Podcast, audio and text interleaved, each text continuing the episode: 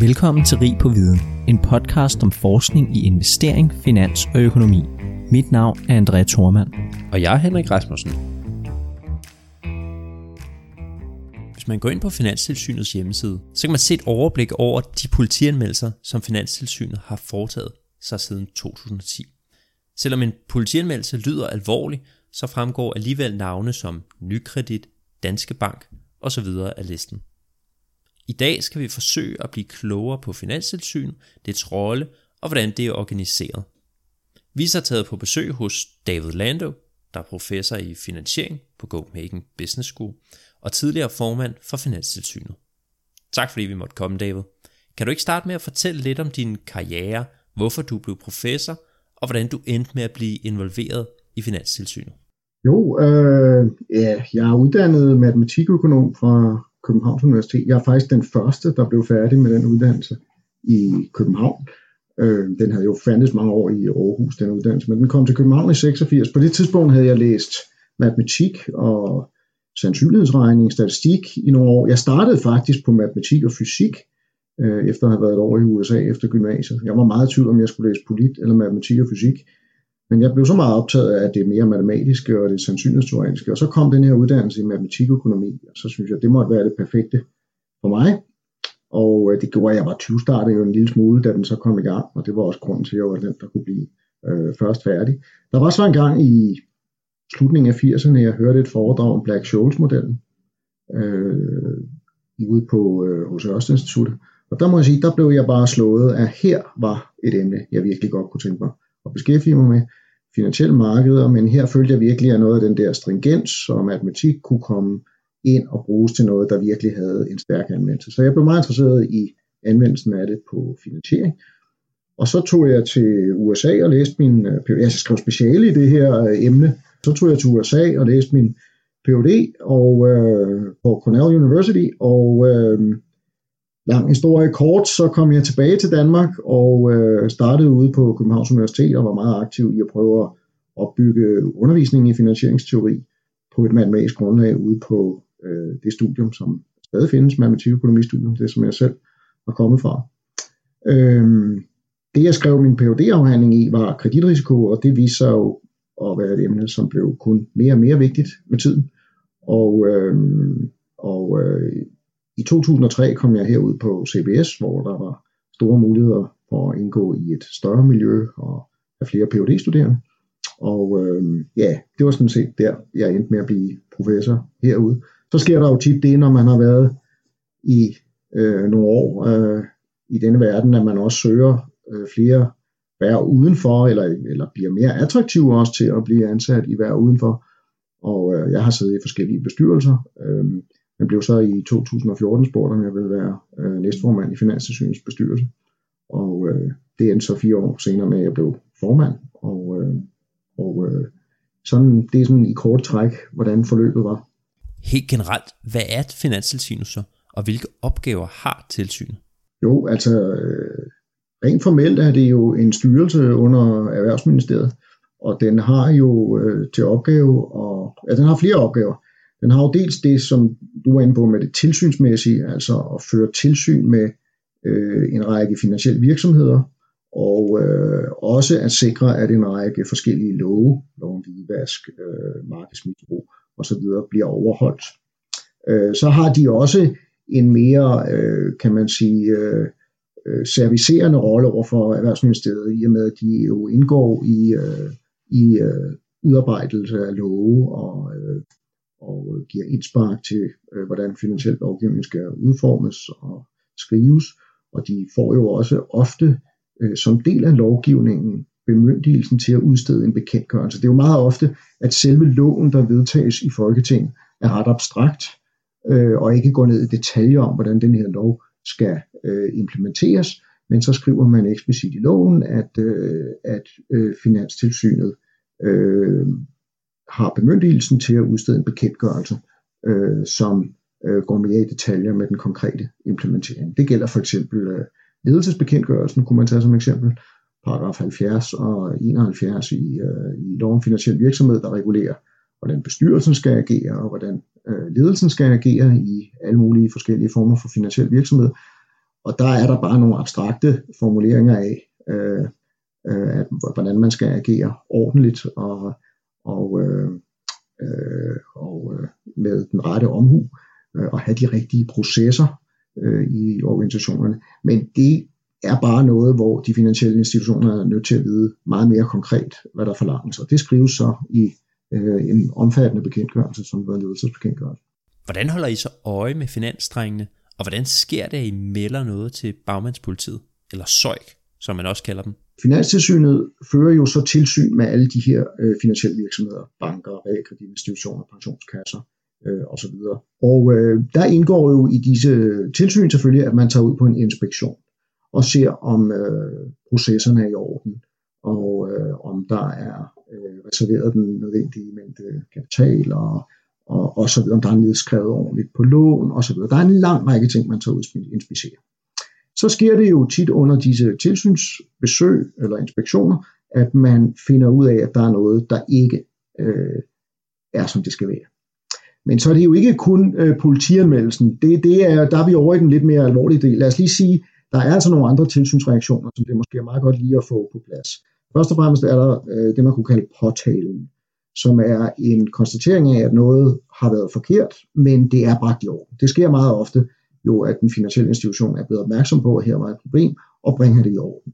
Og så er det jo ofte tilfældet, at tilsynet nøjes med at påtale, at der var denne her øh, irregularitet. Øhm, så har man noget, som er, som er mere fremadrettet, som er påbud, og det er, hvor man har konstateret, at der er en eller anden øh, ting, der ikke fungerer øh, efter loven, øh, og, og noget, de skal øh, have bragt i orden. Og så udsteder man påbud. Og det vil I også se på hjemmesiden. Det er faktisk nok øh, den mest almindelige tilsynsreaktion overhovedet. Jeg vil sige, at alle de reaktioner, tilsynet har, der er påbudene øh, klart det mest almindelige. Men så kan der nogle gange også ske det, at overtrædelsen, man har konstateret, simpelthen er strafbelagt. Det vil sige, at man har overtrådt en lov, hvor der står i loven, at hvis man overtræder den her lov, så straffes det med bøde eller i deres tilfælde fængsel.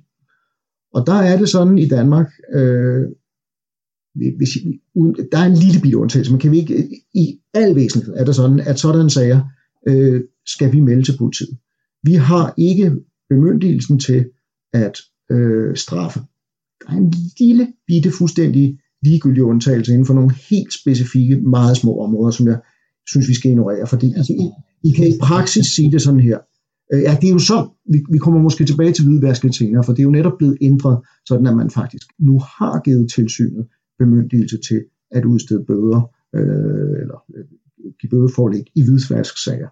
Men det kan vi måske vende tilbage til lidt senere. Det er godt at have som hovedmodel i hovedet, at når vi har, øh, nu siger jeg vi, jeg kan ikke helt slippe det, men øh, altså når Finanstilsynet har øh, konstateret et lovbrud, noget som er strafbelagt, så er det sådan i Danmark, at det behandler vi i politiet og, og hos domstolene. Det er sådan en arbejdsdeling, man traditionelt har haft i Danmark.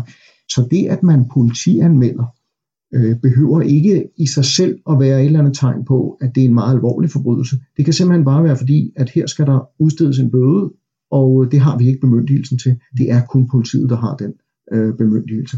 Og så, så bliver det til en politianmeldelse.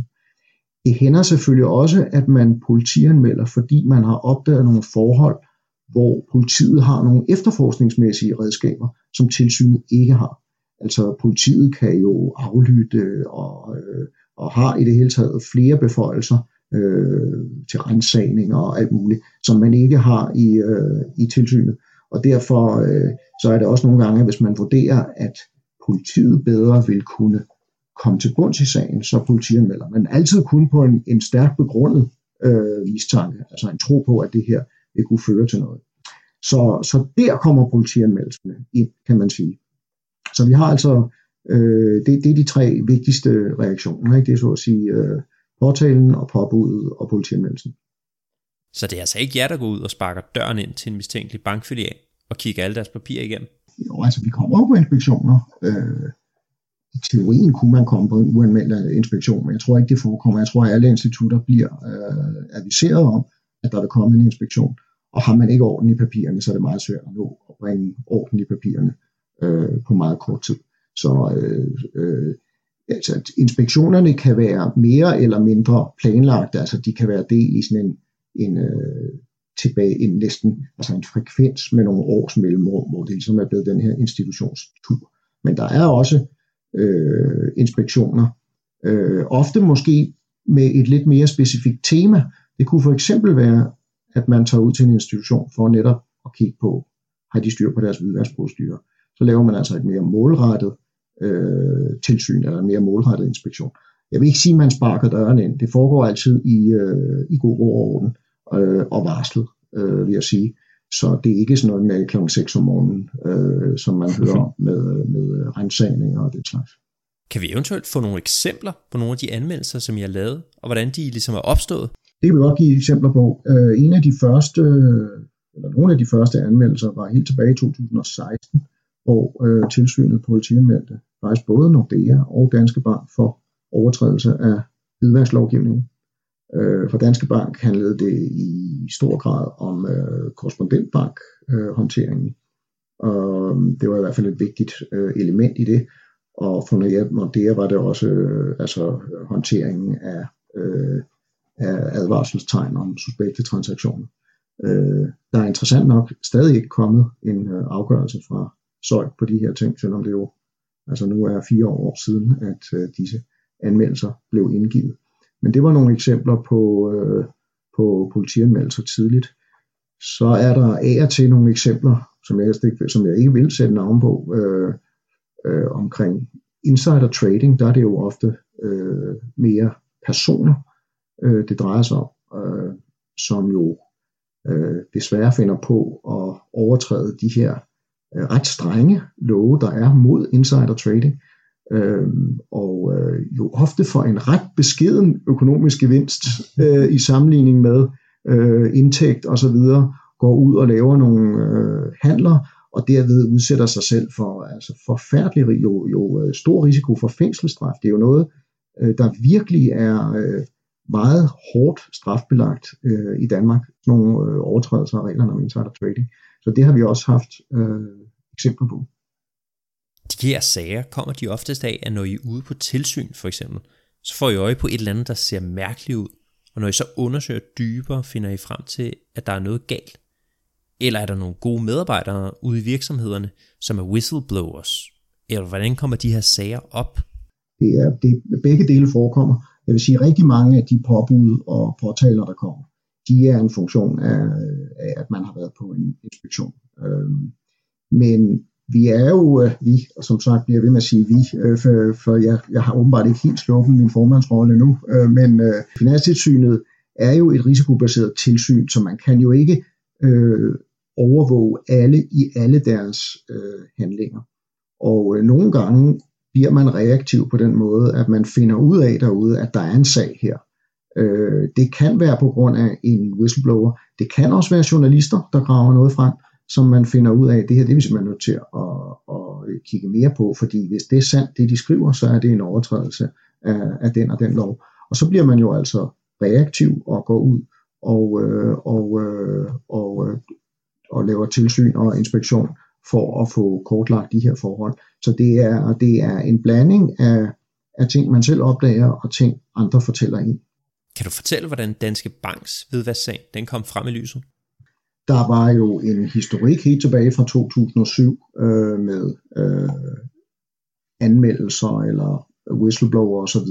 Eller det, den, den mest citerede var den her henvendelse fra den russiske centralbank fra 2007 øh, om, øh, eller en medarbejder i den russiske centralbank, om at der var noget galt øh, i Estland. Og det, og det affødte faktisk øh, alle mulige tilsynsreaktioner, altså at den, det estiske tilsyn var ude og inspicere og fandt problemer og øh, øh, også vendte tilbage øh, og skrev så, at problemerne var rettet. Og øh, altså man finder jo altid små fejl i sådan noget her. Der, der er forskel på, at, at, at noget er helt galt, og så øh, altså, det sker næsten altid, når der er en inspektion af hvidvask øh, beredskabet, at man finder nogle ting, der kan gøres bedre, og som, som bliver øh, påbudt at øh, gøre bedre. Så det er der ikke noget unormalt i, og sådan var det også med det, øh, med det som det estiske tilsyn øh, fandt. Og så der er en lang historik, som er beskrevet i, øh, i redegørelsen fra Finanstilsynet om de her ting, om hvordan man er i løbende dialog med det estiske tilsyn. Øh, det dukker så igen op i 12 og 13, øh, at der er problemer derude. Og så er det så, øh, at det estiske tilsyn der omkring 13-14 virkelig begynder at sætte øh, hårdt ind. Og så gør det jo faktisk, at der bliver pres på Danske Bank i løbet af 2015 til at få lukket ned for det her over. Så i virkeligheden øh, på det tidspunkt, da vi er ude af 15, starten af 16, der er der stort set lukket ned for de her øh, kundekonti. Øh, så på den måde er problemet der ikke mere, kan man sige. Øh, men det, som journalisterne så finder ud af, og det er det nye i det, det er jo omfanget af de her transaktioner, hvor massivt det har været. Og øh, det er noget, som øh, jeg tror, vi ikke vidste. Øh, som i hvert fald i tilsynet ikke vidste. Og øh, øh, det var noget, som bragte, kan man sige, det var noget, journalisterne bragte frem. Og det gjorde så, at man øh, mente, at der var behov for at lave yderligere undersøgelser. At øh, Danske Bank skulle se på, øh, hvordan de internt havde håndteret de her ting, og hvordan de havde, om de havde undersøgt og indberettet alle de her øh, ulovlige transaktioner. Øh, så øh, kort, kort sagt, så var der fokus på hvidvask i Estland, og det har der været helt tilbage fra 2007. Det viser, at det var en stærkt øh, kriminel organisation derude, øh, som gjorde meget for at skjule ting øh, for tilsynet, og også for, øh, for øh, hovedsædet, så vidt jeg kan vurdere. Øh, og og øh, måske blandt andet som følge af det, har man aldrig opdaget at komme til bunds i, øh, hvor massivt omfanget af transaktioner, øh, af suspekte transaktioner var. I kølvandet på den her hvidvasksag, der var der jo en del diskussion om, hvordan man kunne ændre på strukturen i Finanstilsynet, for ligesom bedre at kunne fange den her slags sager. Kan du fortælle lidt om det, og hvordan Finanstilsynet er organiseret? Ja, så som jeg var lidt inde på tidligere, så har Finanstilsynet i grove træk nogle kontorer, der håndterer forskellige områder i den finansielle sektor, bank, forsikring, pension, og så har den nogle kontorer, der øh, kigger meget på specifikke lovgivninger, kan man sige, markedsmisbrug, øh, øh, vask, fit and proper, øh, ting, der er lidt mere tværgående. Og øh, det er rigtigt, at der kom en diskussion øh, måske lidt i kølvandet på den almindelige forfølgelse, der skete af, af Finanstilsynet lige omkring den tid og, og bestyrelsen, hvor man måske var lidt irriteret over, at man ikke kunne påpege fejl i de redegørelser, vi havde, men så kunne man jo finde på andre måder at komme efter os på. Øhm, og, øh, og, øh, og en af de ting var at begynde at slå på øh, organiseringen. Og øh, der har været forskellige forslag. Jeg tror også, øh, de var lidt øh, forskellige, dem der, der kom. Øh, men det var alle sammen noget med at lægge noget over i Nationalbanken og noget, øh, lade noget blive tilsynet. Så var der nogle gange et snit med, om det var de store institutter, der skulle, øh, øh, kan man sige, øh, reguleres af Nationalbanken, øh, og, og alle andre er tilsynet, og så var der noget med, om man skulle lade tilsynet have hvidvask og adfærd, altså forbrugerbeskyttelse og markedsmisbrug og alle de her ting, og ligesom Nationalbanken tager sig af likviditet og kapital og alt. Så der var sådan forskellige øh, øh, ting. Jeg skrev den her artikel sammen med, det var Jesper Berg, øh, og, og, og der var, kan man sige, hovedkræften, øh, men øh, øh, vi, øh, vi var jo, kan man sige, optaget af, at denne her diskussion jo ikke tog udgangspunkt i noget konkret problem. Man kan sige, ja, der havde været en stor hvidværkssag i øh, Danske Bank. Øh, og vi har skrevet en meget grundig redegørelse i tilsynet om, hvorfor den, øh, hvordan den sag var håndteret, og at den måde øh, alle breve og mails osv. var blevet besvaret, og hvad man havde gjort, og, øh, og lærte af den, kan man sige. Der var aldrig nogen, der påpegede, hvad er det ved organisationen af tilsynet, der gjorde, at en sådan sag kunne være. Altså, og der var heller ikke nogen, der egentlig påpegede, hvad er det for nogle ting, som en ny organisation øh, vil kunne løse. I hvert fald ikke særlig overbevisende. Men vi argumenterede jo for i den artikel, at øh, der er store synergier mellem forskellige områder. Og øh, det kan jeg måske forklare lidt, øh, for det er meget vigtigt for den øh, at forstå den debat. Vi kan for eksempel sige, øh, at vi har jo tilsynet med, om en bank øh, har nok kapital kan man sige. Ikke? At den, har den nok øh, egenkapital i finansiering af sine aktiviteter. Og det er jo ofte noget, der afhænger i meget grad af, hvordan aktivsiden ser ud, hvor risikabel er aktivsiden, øh, hvor store nedskrivninger er på lån. Når man er inde og inspicerer en bank ud fra det her rent, øh, det man kalder det mikropotentielle, altså har den nok kapital, så er man jo inde og kigge på deres långivning, for eksempel, og deres kreditter. Og øh, der vil man jo ofte konstatere, at der måske ikke er nedskrevet nok på nogle af de her lån, og at de er mere risikable, end man troede. Og det kan så afføde, at, at kapitalkrav skal være større, eller jo, øh, Øh, eller i hvert fald, eller, eller at aktiver bliver nedskrevet. Men øh, det er ofte, at man i kortlægningen af det opdager, at det her det er ikke bare et problem med nogle enkeltstående kreditter, det er et problem med hele den måde, kreditbevillingen foregår i banken. Der er måske ikke tilstrækkeligt nedskrevne kreditpolitikker, øh, eller de politikker, der er nedskrevet, bliver ikke fuldt. Og så er vi pludselig over i noget af det mere øh, sådan ren ledelsesbekendtgørelsesagtige. Og det kan være, at man opdager, at øh, der er nogen, der har handlet decideret øh, øh, ulovligt eller, eller uhederligt. Nu er det lidt mere tænkte, men det kunne man sagtens forestille sig. Så er vi over i fit og proper lovgivningen. Øh, og det kunne være, at man opdager, at faktisk er deres hvidvandsberedskab heller ikke godt nok. Vi har opdaget nogle transaktioner, der ikke er gode. Så det er jo meget ofte, at man opdager noget, som har forgreninger. Og det, der er en kæmpe fordel ved enhedstilsyn, det er, at sådan ting, det falder aldrig mellem to stole. Øh, det er ikke sådan, at det ene kontor, der havde ansvaret for kapital, siger, ah, men det der forhold der, det hører jo helt klart under øh, ledelsesbekendtgørelsen, det burde I tage, og så videre. Nej, der er sådan set ikke diskussion om, at det problem, det skal håndteres af Finanstilsynet. Så må man finde ud af, hvem der lige skriver afgørelsen på det her punkt, men den ligger i Finanstilsynet. Det er heller ikke sådan, at man har en organisation siddende øh, et andet sted og skal holde endeløse møder mellem dem, som lige har været på inspektion og har opdaget en masse problemer, og nu siger, at de har opdaget nogle problemer, som nok ligger over i den anden organisation, og så skal videregive den her information og ligesom gøre forfra og holde endeløse møder. Så, øh, så, så altså, enten falder ting mellem to stole, eller også er der meget store øh, omkostninger forbundet med at koordinere indsatserne. Og endelig er der jo altså også en enorm synergi på den måde, at de medarbejdere, der er erfarne i at inspicere banker, de er gode til at understøtte alle de funktioner, man, eller alle de områder, man inspicerer. Det var faktisk sådan, at øh, de vigtigste medarbejdere i hele håndteringen af Danske Bank-sagen, øh, de kom ikke fra hvidvaskkontoret, de kom fra øh, Bank 1, det store kontor, som regulerer, øh, eller det kontor, som regulerer de store pengeinstitutter. Og det krævede al deres erfaring og kendskab til den interne organisation, den interne organisation øh, og arbejdsgangen øh, og forretningsområder for at kunne lave en, øh, en ordentlig rapport. Og, øh, og det havde været svært for et, øh, et hvidvasksekretariat øh, alene. Så, øh, så det er nogle eksempler. Øh, der findes en lang række andre synergier. Og noget af det, som Jesper Rangvid han argumenterede for i sin tid, det var jo, at den her afdeling af Finanstilsynet, der har at gøre med at holde øje med finanssektorens kapital, om bankerne er likvide nok, om de er sunde og solide, noget der blandt andet blev meget relevant under finanskrisen. Han argumenterede for, at den afdeling kunne man måske med fordel ligge ind under Nationalbanken.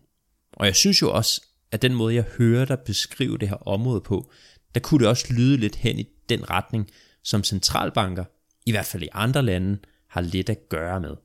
Altså når der er store udsving på markedet, så holder centralbankerne hånden under.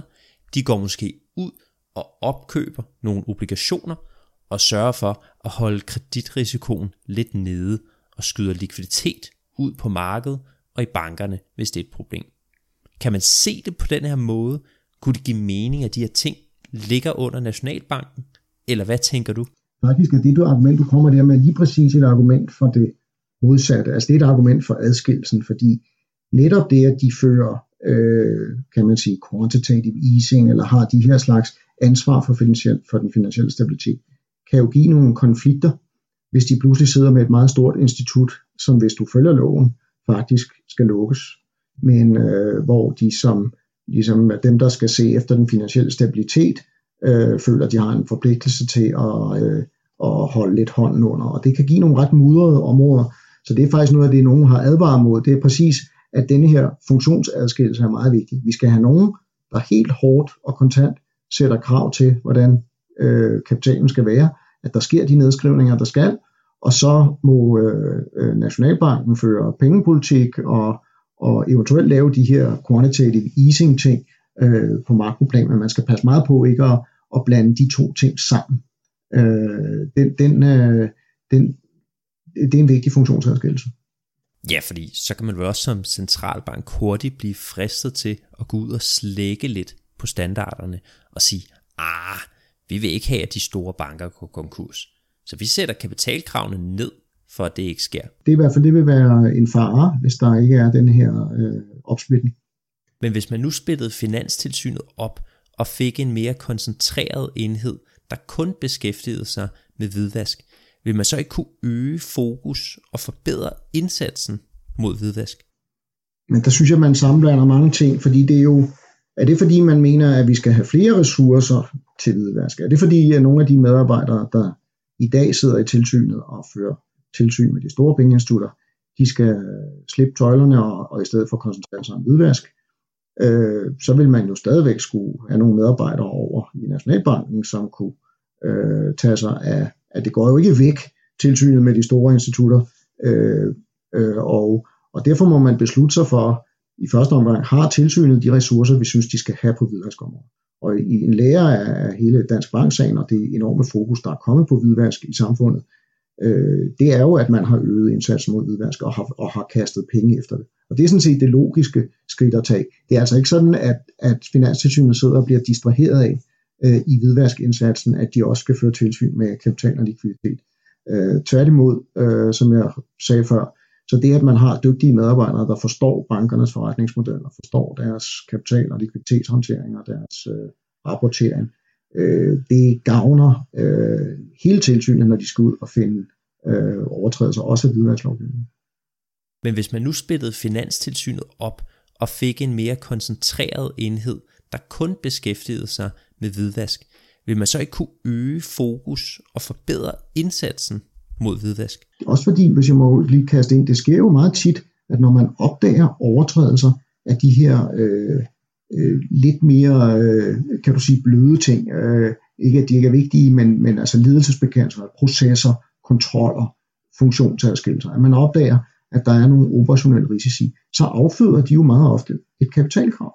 Så det er ikke sådan, at de her to ting er adskilt. Altså Danske Bank fik jo et væsentligt øh, forøget kapitalkrav, som følger af hele den her øh, hvidvandssag. Øh, og, øh, og vi har andre eksempler på, at det, at der er opdaget nogle, nogle øh, brud på øh, kreditbevillingspolitikker eller arbejdsgange, øh, det har betydet, at tilsynet har, er kommet med et, et såkaldt søjle 2-tillæg, altså et, et krav, som ikke bare ligesom er en, en funktion af de her risikomodeller, kan man sige, ikke? Øh, øh, men er en funktion af, at vi her vurderer, at der er en risiko for, at noget kan gå galt, eller at der kan komme et krav mod banken måske. Øh, og igen er der et, et, et, øh, et, et sammenspil mellem de her kontorer. Øh, der er også en lang række funktioner, som man vil være nødt til at dublere, hvis man lagde øh, tilsyn over andre steder. Altså der er jo en vældig, øh, man analyserer jo de finansielle institutioners øh, regnskaber og årsregnskaber. Og det er jo også en vigtig øh, forståelse af virksomheden. Og øh, sådanne funktioner vil man jo skulle dublere. Det vil der også skulle sidde, det vil der skulle sidde en og gøre begge steder. Der siger al min erfaring, at jo større et fagligt miljø du kan få for sådan noget her, jo stærkere bliver det. Øhm, der er hele IT-sikkerhed og så videre, øh, at sådan noget håndteres ordentligt igen en kæmpe fordel, hvis man kan samle de folk, der ved noget om det, et sted, så de kan inspirere hinanden og have større robusthed i organisationen også. Og den her model, hvor man dækker ret bredt i tilsynet, det kalder man et enhedstilsyn. Og det kan du jo garanteret uddybe meget bedre, end jeg kan. Så vil du prøve at give det et skud? Det handler jo om, at man samler områder som for eksempel forsikring og bank under en øh, paraply. Altså øh, det, det, øh, tidligere har man jo haft tilsyn med, med forsikring separat, øh, og det er der lande, hvor øh, man har. Øh, man kunne også sige, at tilsynet med pensionskasser kunne ligge et sted osv. Men i enhedstilsynet samler man jo altså tilsynet med alle de virksomheder, der er underlagt lov om finansiel virksomhed øh, et sted. Og det har øh, den baggrund øh, blandt andet, ud over de synergier, som jeg allerede har beskrevet, for de kan nemlig også findes mellem forskellige forretningsområder, bank og forsikring og pension, øh, så har det også den øh, begrundelse, at meget finansiel virksomhed er jo grænseoverskridende. Altså banker holder sig jo ikke snævert til bank. De har med årene er jo blevet realkreditinstitutioner også, og øh, der er meget tale om i øjeblikket, at pensionskasser øh, i, i sådan hele denne her øh, nulrente og negativ rente verden gerne vil kaste over nogle lån med lidt mere risiko og måske være direkte långiver til, øh, til øh, virksomheder.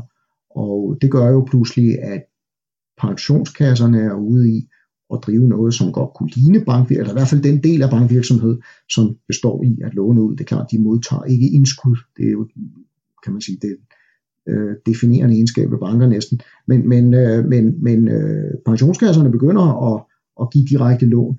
Og så kan man sige igen en kæmpe fordel, hvis du skal føre tilsyn med, om det sker ordentligt, om de måler deres risici ordentligt og har de rigtige adskillelser mellem dem, som bevilger lånene og dem, som måler risikoen i lånene. Alle de her erfaringer, der vil et enhedstilsyn være stærkt rustet, fordi mange af dem, der ved noget om det i bank, vil også kunne tale med dem, der ved noget om det i forsikring, og, øh, og øh, man vil kunne trække på hinandens kompetencer.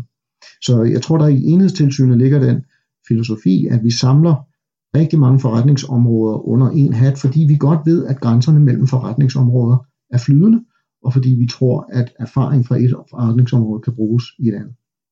Ja, jeg synes jo netop, det her argument giver rigtig god mening, fordi vi i dag har bevæget os hen mod de her finansielle supermarkeder. Hvis man går ind til Nykredit eller Danske Bank i dag, så kan man jo både få bank, lån, pension, investering. De har næsten det hele. Og det gør jo, det er smart at have et bredt tilsyn. Men en af de steder, hvor jeg tænker, at enhedstilsynet ikke har de største synergier, det er når det kommer til hvidvask. For hvis man skulle opsplitte finanstilsynet og gøre, at en af biderne har særligt fokus på hvidvask og ligger for sig selv, så vil det jo være et skridt væk fra enhedstilsynet. Og jeg tænker, hvidvask, er det ikke lidt en udfordring, som er lidt mere specifik i enkelte dele af finanssektoren, og er mere relevant i, i banker end i forsikrings- og pensionsbranchen? Der er jo også en hvidvask. Det, det, er, det er nok sværere, fordi der ikke er de her øh, transaktioner, men der, men der er faktisk også hvidvasklovgivning, som er relevant for formueforvaltere og for, øh, for, øh, for øh, pensionskasser osv. Det er klart, at det, der er den mest umiddelbare øh, risiko, det er selvfølgelig med, øh, med indskud og overførsel af, af penge og, og omveksling osv. Der er jo i øvrigt også et, et, et væsentligt hvidvaskelement i sådan nogle øh, valuta, øh, altså pengevekslingsvirksomheder, øh, øh, som jo man gav tilsynet faktisk, øh, som et tilsynsområde, som man overtog fra øh, Erhvervsstyrelsen. Øh, så der er, der er klart også hvidvaskelementer i andre ting. Men, men igen, synes jeg, det væsentlige er, at selv hvis vi forestillede os, at hvidvask kun var noget, der foregik i en bank, så vil de folk, der skal undersøge hvidvask, have glæde af at kende en banks forretningsgang, dens handelsfunktioner. Det kunne jo for eksempel være, at nogle hvidvaskskemaer, mirror trades og sådan nogle indviklede ting foregik igennem en handelsafdeling. Og der kan det jo nemt tænkes, at nogle af de garvede rotter, der har ført tilsyn med bankernes handelsfunktioner, er dem, som kan hjælpe med at beskrive, hvordan de her ting foregår. Øh, så selv i opdagelsen af hvidvask og i forståelsen af de forretningsområder, som er risikable øh, med hensyn til hvidvask, så har man til øh, så har man glæde af, at der i tilsynet er folk, som forstår øh, kernevirksomheden i banken. Så, så selv i det tilfælde tror jeg meget på, at øh, man får et stærkere hvidvasktilsyn, hvis det er integreret i øh, den store tilsynsmyndighed. Og der kan vel også sagtens foregå hvidvaskning uden for finanssektoren? Jo, det er rigtigt. Altså ejendomsmælere og øh, advokater har betydelig hvidvaskrisiko. Danske Spil har formentlig en øh, betydelig øh, hvidvaskrisiko. Øh, og øh, vi kan komme i tanke om alle mulige andre, hvor folk øh, har betroede midler, øh, hvor, øh, hvor det klart kan være en risiko. Så jo, det er et, øh, et bredere fænomen, og, øh, og det er jo ikke engang alle de her områder, som, øh, som Finanstilsynet ser på. Øh, det, det er korrekt. Hvordan har Finanstilsynet ellers udviklet sig? Og lærte I i tilsynet noget af de her store sager? Der er altid noget, man kan gøre bedre, og det er jo øh, noget af det, jeg var mest øh, var meget imponeret over ved min tid med organisationen. Det er, det er en lærende organisation, øh, som, øh, som rensager sine egne øh, beslutninger og hele tiden forsøger at blive bedre. Øh, det ligger i sagens natur, at man aldrig nogensinde vil undgå, at der kommer sager. Altså det er jo, det er jo, øh, det er jo lidt, øh, altså vi har også et færdselspoliti, men, men det stopper jo ikke, at folk er til at køre over for rødt eller køre for hurtigt. Øh, og i hvert fald er vi ikke villige til at ofre de penge, der sikrede, at enhver bil altid overholder øh, fartbegrænsningen. Øh, og, og sådan er det jo også i tilsyn. Der vil komme øh, sager fremadrettet, og nogle gange så kan det være svært at forstå, at der kan opstå store sager, fordi man vil tænke, øh, sov i i timen. Og, og især kom det med hvidvask. Men jeg vil sige, at øh, man har jo blandt andet, fordi der er så stor politisk fokus på hvidvask, fået tilført store midler til hvidvaskområdet. Og det gør så, at man har ansat flere medarbejdere, og at man også har øh, lavet ligesom en søjle for sig selv, der ser på øh, det, man kunne kalde økonomisk kriminalitet, men altså har mere fokus på de her øh, typer af lovovertrædelser.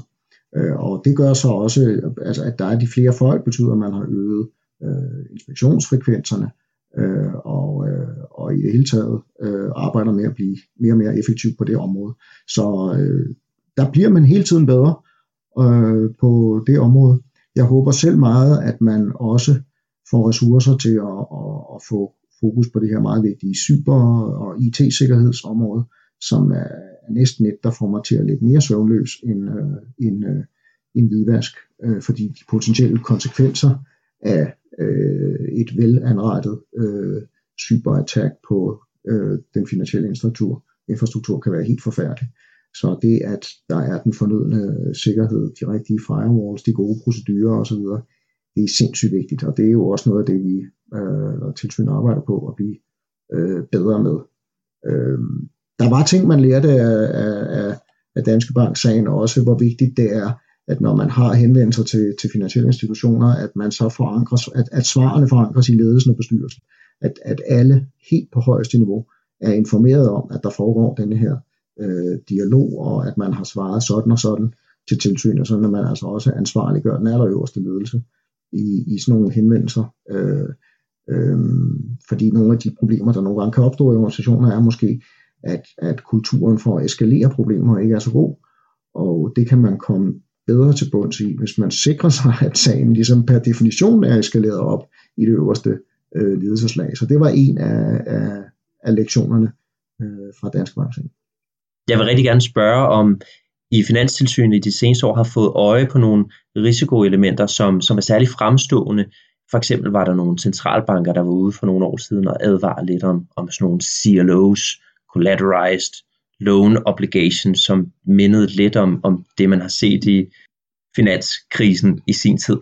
Men er der ellers noget, har I kigget på det, eller når I går ud på tilsyn, har, har I fået øje på nogle risikoelementer ude i, i finanssektoren? Hvis jeg lige må tage at sige noget først, er der jo lavet ret meget lovgivning, som faktisk ændrer den måde, øh, den, de som sponsorer de her dialoger. De skal have en del i, de skal have skin in the game, som det hedder, det vil sige, de skal eje noget af, af, af branchen.